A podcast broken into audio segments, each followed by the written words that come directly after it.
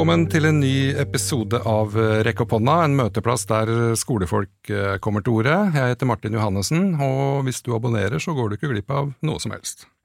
I denne episoden så skal vi snakke om eh, hvorfor det er viktig med risikofylt lek.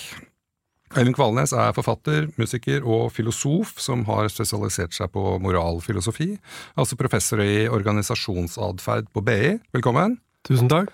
Eh, bare litt med det der musikk. Ja. Eh, Først fordi jeg jobba i Horten platebar på 80-tallet, Nettopp. og solgte plater av Fra Lippo Lippi i bøtter og spann. Ja. Du skrev jo låter og spilte tangenter og sånn der. Var, var det en form for risikofylt lek? På en måte så var det det, for jeg var øh, yngst i bandet. Jeg var 20 år gammel og spilte sammen med oldinger på 25. Oi. Så øh, jeg måtte passe på jeg, at det ikke stakk meg for mye fram da når jeg var øh, junior Ja, i bandet. så morsomt. Så det, men jeg tenker, det er jo 80-tallet var liksom en helt, eh, helt uh, annen, annen tid. Hva, hva var det som liksom dro deg inn i musikken den gangen? Uh, Jeg hørte veldig mye på musikk, Uh, og eh, jeg kjente jo de andre i i bandet Ja. På forhånd. Og så, kom jeg, så tenkte jeg jeg skulle bevise at jeg fortjente å være med i bandet, så da kom jeg med et pianostykke som etter hvert ble en låt som heter 'Shouldn't Have To Be Like That'. Nemlig. Så det var på en måte mitt svennestykke, Ja. for Den- å bevise for gutta at eh, jeg også fortjente en plass. ja, men det ble jo, en, eh, var jo et godt svennestykke. Det ble jo en svær hit. Det ble en slager. Ja. Det gjorde det. Ja, Så gøy. Men uh, hva er moralfilosofi, egentlig? Hva gjør man når man filosoferer over moral? Nei, det er- Jeg holder på med mye mer enn bare det, men det handler jo om å reflektere over ting vi kanskje ikke pleier å reflektere over. Ting Ja. som vi pleier å ta for gitt i hverdagen. Altså, vi blir fort eh, hekta på inn i de vanene vi følger til daglig, så da er det lurt å prøve å ta et skritt til siden, og så prøve å tenke gjennom hva er det vi egentlig holder på med her. Ja, Og fins det andre måter å gjøre ting på enn det vi pleier å gjøre? ja, nemlig. Og det med risikofylt lek liksom faller inn under det, Der. Ja, det jo egentlig det. Ja. Og, men en, en episode som jeg kom på nå når du snakker om musikk, da, det er at første gang jeg skulle spille musikk sammen eh, med bandet, ut på scenen, Ja. så var jo Fra Lippi og Lippi et pianobasert eh, band, og jeg var pianisten, så jeg var ganske nervøs før vi skulle gå utpå. Og så rett før vi skulle ut, så kom lederen i bandet, da, Rune Christoffersen, han kom bort til meg, og tenkte jeg at nå får jeg noen beroligende ord med meg ut på scenen, tenkte jeg. Men Rune bøyde seg ned, så sa han, nå spiller du ikke feil.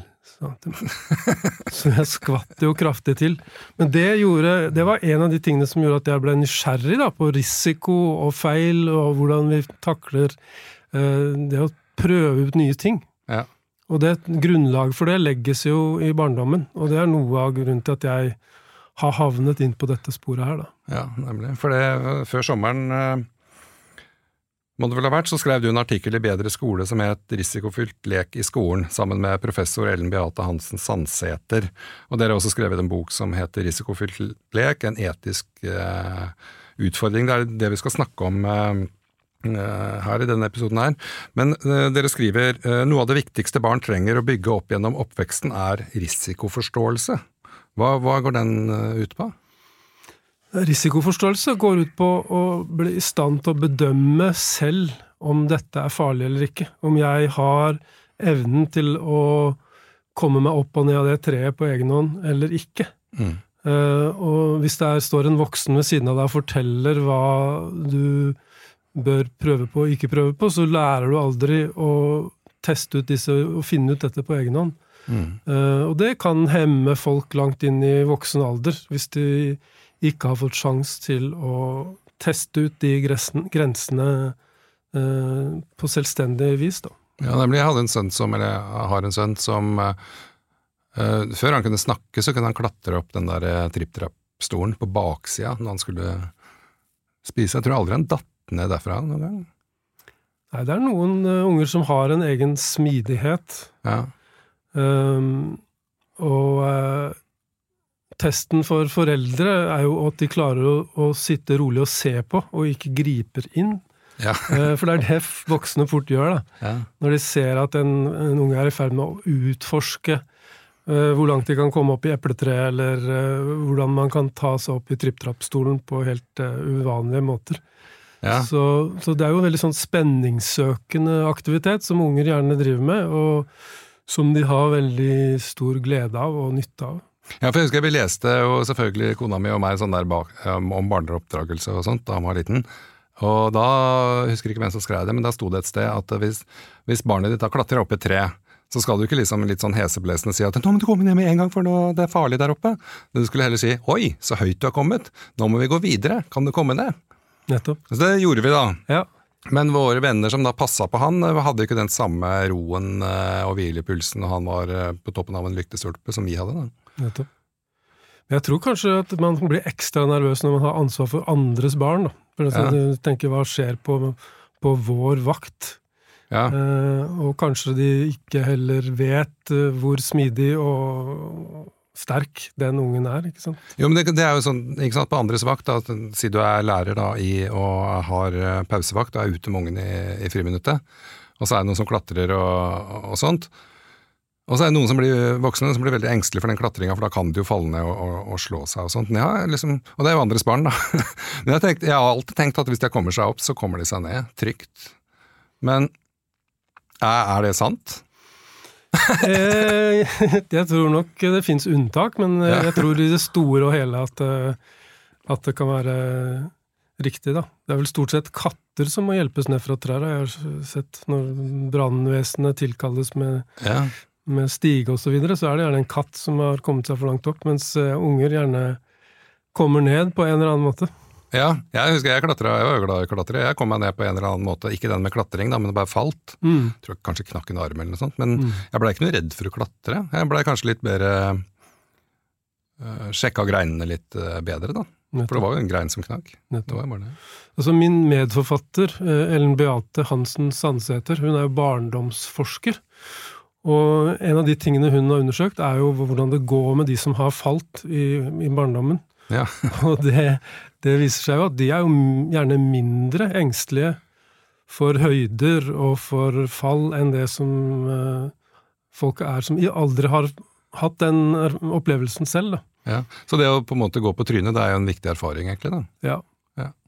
Og det er vel et av hovedbudskapene våre i boka også, at, eh, at eh, vi lærer veldig mye av å utforske verden, og det vil uh, noen ganger gjøre at uh, det blir vondt, da. At, vi, at ungene slår seg og, og kommer hjem med skrubbsår og, og blod. Men det er en del av eh, læringen. Ja, Mutter'n pleide å si at det er ikke sommer før du har skrubbsår på knærne. Nettopp. Så det stemte jo det. Pleide- Det er liksom våre værtegn. Men du som guttunge, da? Hvordan var du? Var du sånn klatremus? Jeg var ikke så veldig mye klatrende, men, men jeg har veldig fine minner fra da jeg var sånn syv-åtte år gammel og vokste opp på Nesodden. Da kunne jo jeg være over alle hauger Ja. i timevis. Og foreldrene mine visste ikke hvem jeg var sammen med, og hva vi holdt på med, og hvor jeg var, og når jeg skulle komme tilbake. Det er så bra at du sier det, for det, så jeg vokste opp i Åsgårdstrand. Det var jo akkurat det samme. Du kom hjem og spiste middag. eller Du kom hjem egentlig til kveldsmat, i hvert fall på sommeren. Eh, og på vinteren så kom du nok hjem til middag, for da ble det tidligere mørkt og sånt. Men mens nå så er jo Det er veldig mange barn som ikke får lov til å være for seg selv ute. De må gå kanskje 50 meter toppen foran hvis man er i skogen eller ute på en av øyene her i byen eller et eller annet sånt. Blir det ikke litt sånn mye sånn curlingforeldretakter? Jeg syns det. Det gjør det. Og, og igjen, det, det, noe av den forskningen som Ellen Beate har gjort, da, viser at, eh, eller går ut på at eh, når vi er små, så har vi noen fobier. Blant annet eh, er vi redd for å bli forlatt av flokken og bli, være alene. Og det er veldig fint at vi har det når vi er to-tre år gamle. Men så skal vi naturlig jobbe oss ut av de fobiene gjennom blant annet å, å undersøke verden bak, eh, bak eh, hushjørnet, uten at eh, mor og far vet hvor vi er og hvem vi er sammen med. Og, og det er en sunn måte å jobbe seg ut av eh, engstelsen på. Og hvis vi ikke får gjort det, så, så beholder vi den, eh, de fobiene inn i ungdommen og inn i voksentida også. Men, men vet dere, har liksom, har noen ideer, kanskje, vet, vet dere hva foreldrene er redd for, egentlig? Er det som kidnapping eller beinbrudd? Det er forskjellige ting, men, men eh, jeg tror nok at foreldre påvirkes av nyhetsbildet. Og vi får en sånn forstyrret risikoforståelse, fordi vi når det går riktig ille med barn, da, så slås det jo kraftig opp. Og Mm. da får vi en, et inntrykk av at dette sannsynligvis kommer til å skje i vårt nabolag også, mens sjansen for det er, er mikroskopiske. Mm. Så eh, det er noe med en sånn forstyrret eh, risikoforståelse. Ja. Og så har vi også snakket med en, en lærer i en barnehage som sier at eh, hun har mange foreldre som er innflyttere, så de kjenner ikke nabolaget og omgivelsene selv. Så dermed så blir de ekstra forsiktige, for de har vokst opp i en helt annen del av landet selv. Mm. Og så ser hun store forskjeller. Da. Hvis det er foreldre som er fra den bydelen i Oslo hvor barnehagen ligger, så er de mye tryggere, fordi de vet at eh, det er ikke farlig å gå gjennom den skogen der. Eh, Du kommer fort eh, gjennom, og så videre. Så jeg tror noe av den engstelsen kommer av å befinne seg i fremmed eh, terreng selv. Mm.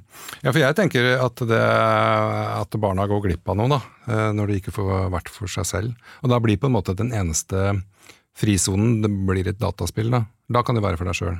Da trenger ingen å passe på deg, for da sitter du stille på en stol eller ligger på et gulv eller i senga eller noe sånt. Men mm, hvis du skal ut i skogen, så er det liksom, da må man liksom pakke en sekk.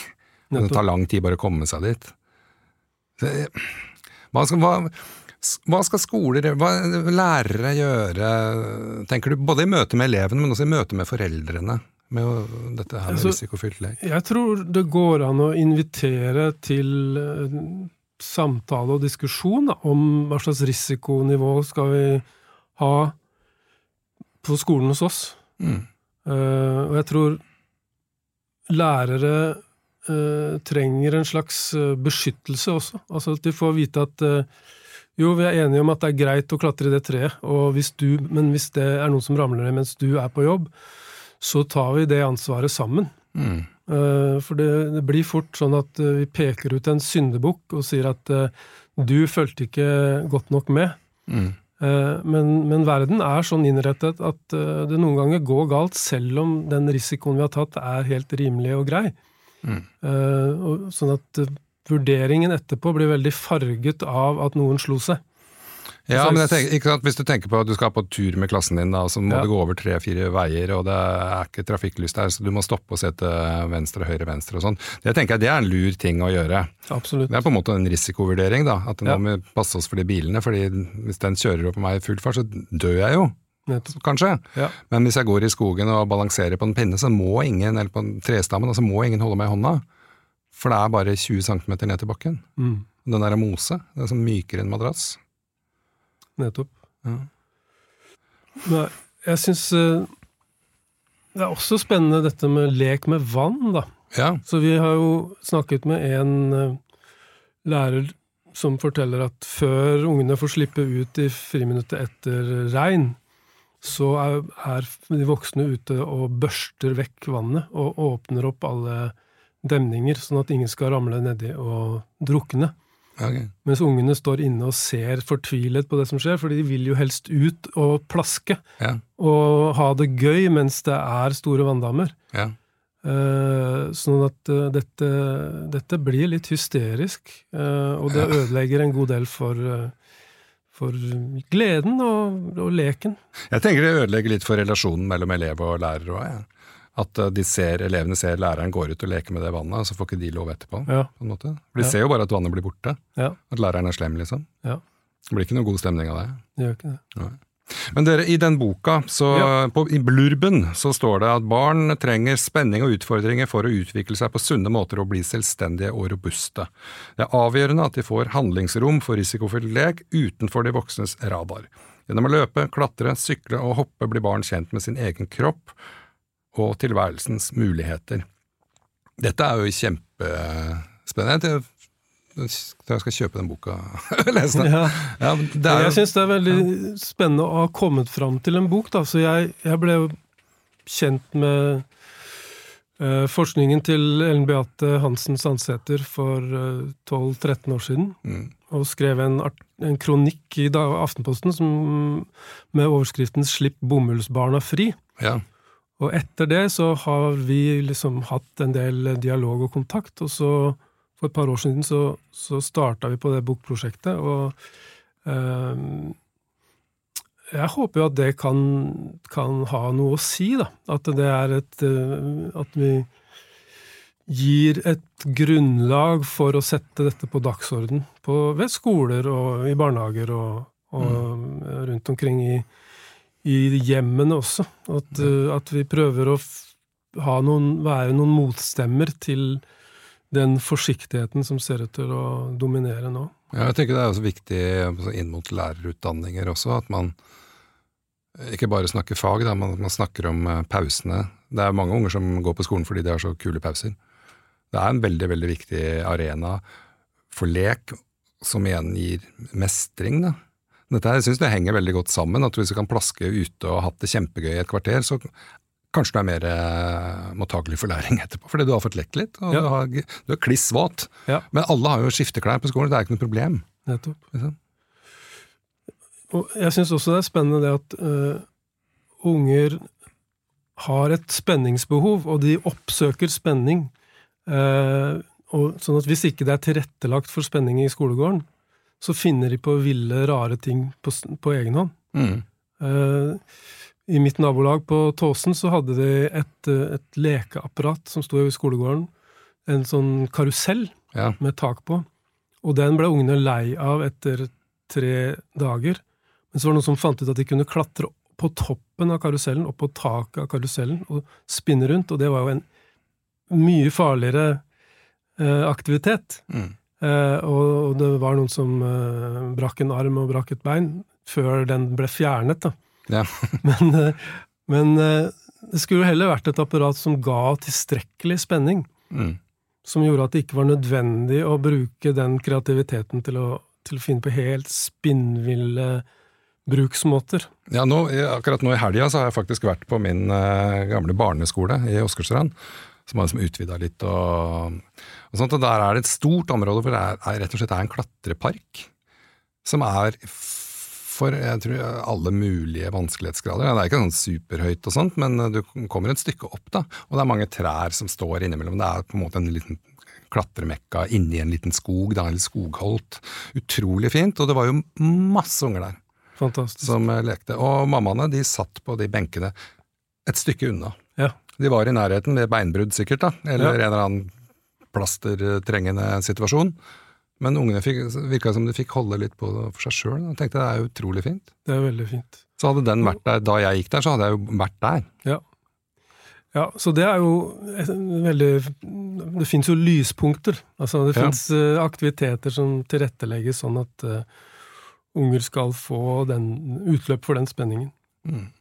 Men, jeg, men, noe av det som uh, har ergret meg mest i det siste, det er jo uh, altså den utviklingen av apper som gjør at foreldre følger med hjemmefra eller fra jobben på hvor ungene er, hva de foretar seg, de forventer at det legges ut bilder osv. osv.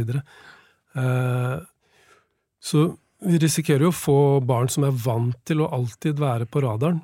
Og bli overvåka. Ja. For det er jo det, det er typiske barnehagen, er det det, ikke sant? Da, ja. da blir det sånn, nå har vi skifta bleie. Nå Får det melding om det, liksom. Nettopp. Nå har de spist. Nå har han sovet i et kvarter. Ja. Det er utrolig. Jeg, jeg ville jo ha barn i barnehagen, for da kunne jeg være på jobb, liksom. Så kunne han være der. Så kunne de passe på han, ikke jeg. Nettopp. For da passer jeg på en måte, ikke bare på han, men på barnehagen også. Som en sånn slags overordna lederansvar, liksom. Det er jo helt tullete. Det er uh, virkelig tullete. Da blir det mye bomull og mye curling da, ut av dette, gjør det ikke det? Mm. Så motstemmene må komme fram, og vi må protestere og lage arenaer hvor vi kan eh, dele historier, sånn som den, din historie om den klatreparken. Og det er jo et nydelig eksempel på hvordan det går an å mm. legge ting til rette. Jeg hadde en elev eh, fra andre til sjette klasse, og han eh, hadde et beinbrudd i året. Ja. Så vi hengte opp et sånt skjelett til slutt, så vi bare markerte hans beinbrudd som hang på veggen. Og han blei ikke noe motivert til å brekke noe mer. Nei. Det var ikke to i året etter det, liksom. Men, det var, det var, men han var en sånn type da, så skate, begynte å skate etter hvert. Og? Han brakk jo kragebein, en arm, en bein. Brakk alt mulig rart, mm. egentlig. Og han hadde, han hadde, jo ikke noe Kanskje foreldrene syntes det var dritkjipt at han hadde hatt vondt da, og var lei seg og, og sånt, men det virka ikke på meg på han som om han Han blei ikke noe reddere av dette her i det hele tatt. Det er kanskje litt i tråd med det som uh, Beate også har forska på, at de forska på de som falt, da, at ja. de blir ikke noe mer engstelige. Nei.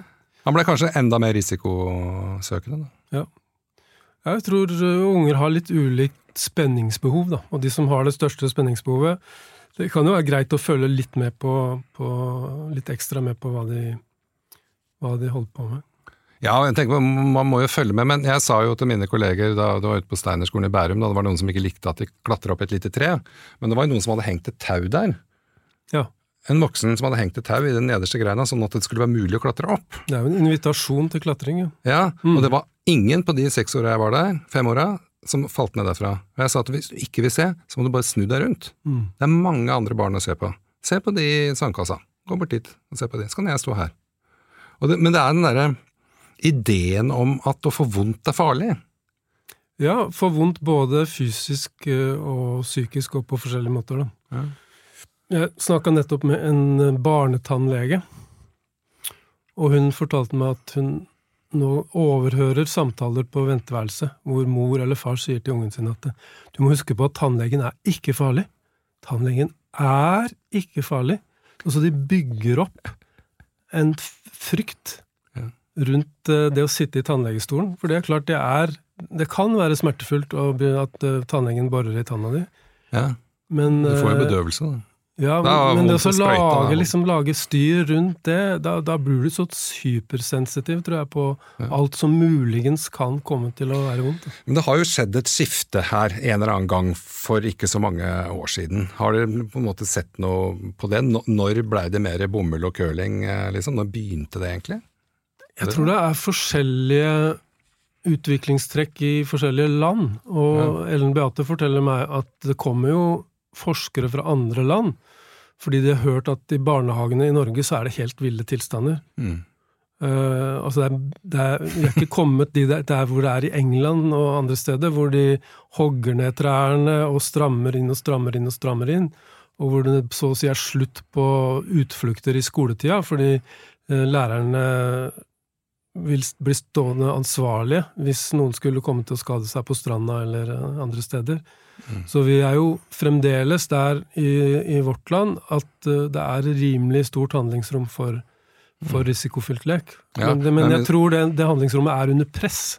Det tror jeg også. jeg tror jeg er sikker på Hvis man googler uh, curlingforeldre, så kommer det ganske mange artikler opp, både for og mot, uh, ja. egentlig, på det. Ja. Skal ikke gjøre det nå. Men det er, det er, jo, sånn, det er jo sånn at barn ikke får leke så mye aleine, verken på skolen eller, eller hjemme. Og Samtidig så vet vi at leken i seg sjøl, både uten og med og uten risiko, er utrolig viktig for barnas utvikling, rett og slett. Altså kreativiteten, det å prøve å feile. Fotball er eh, et annet eksempel, sånn der i fotball i skolegården. Jeg husker jeg pleide mye, spille mye fotball med mine elever, og det var sånn eh, Jeg tenkte dette er viktig fordi her får de faktisk noe helt ekte å diskutere eller å krangle om eller å bli lei seg over. Eh, du har blitt huka, og du går på trynet, da, da er det lov å, å grine, liksom. Eh, og det var annet som dukka opp, som jeg ble veldig sånn, liksom varm om hjertet om, det var sånn der sympatifrispark. Ja. Det var hvis du hadde løpt og, og snubla i dine egne bein og gått på trynet og fått vondt og begynt å gråte. Ja. Da fikk du frispark. Nettopp. I sympati. Ja. Det hadde de jo ikke det er bare på den måten de kunne fått den opplevelsen, tenker jeg. Mm. Men, jeg, men jeg lurer jo på hvordan dette ser ut fra lærernes ståsted, da. Ja. Uh, om det oppleves at det er Altså, hvordan skal de takle de engstelige foreldrene som finnes rundt nå? Og som, det er en utvikling i retning av mer engstelige foreldre. Ja. Og det er ofte jeg har snakket med helsesøstre om det, og de sier at eh, de mest engstelige foreldrene er gjerne de som er eh, liksom, høyt utdannet og vet hvordan man googler diverse plager og har masse kunnskap om ting som kan gå galt. Mm. Og det gir næring til deres engstelse. Mm. Og lærerne skal møte disse, disse engstelige foreldrene på mm. en konstruktiv måte. Ja, Det var det jeg tenkte jeg skulle ha, liksom, ha som sånn siste spørsmål eh, før vi runder av. Hva, hva, er, hva er ditt beste råd til engstelige lærere og, og foreldre?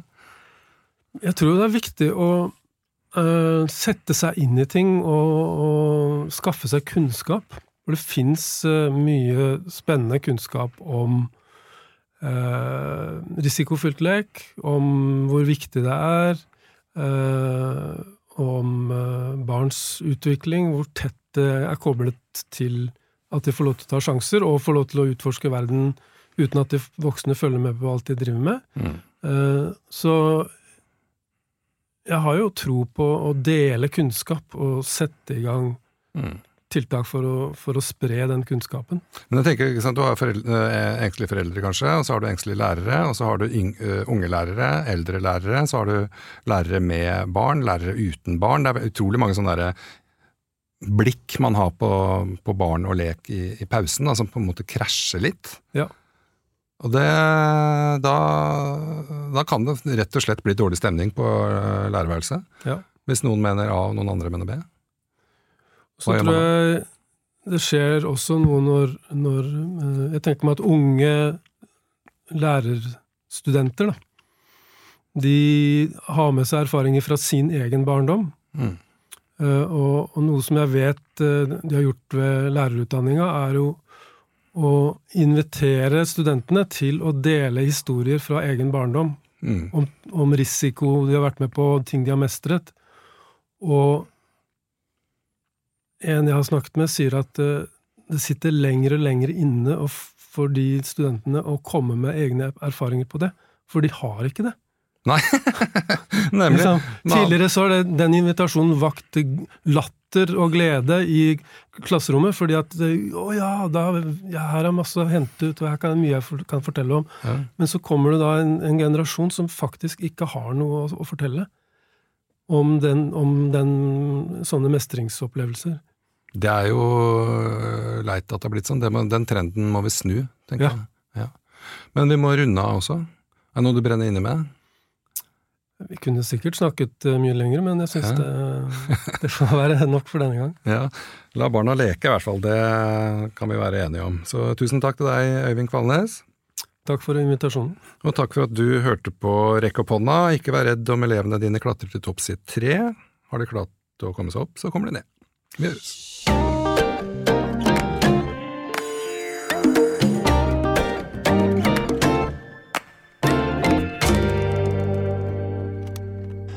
Budu Seta? Oder?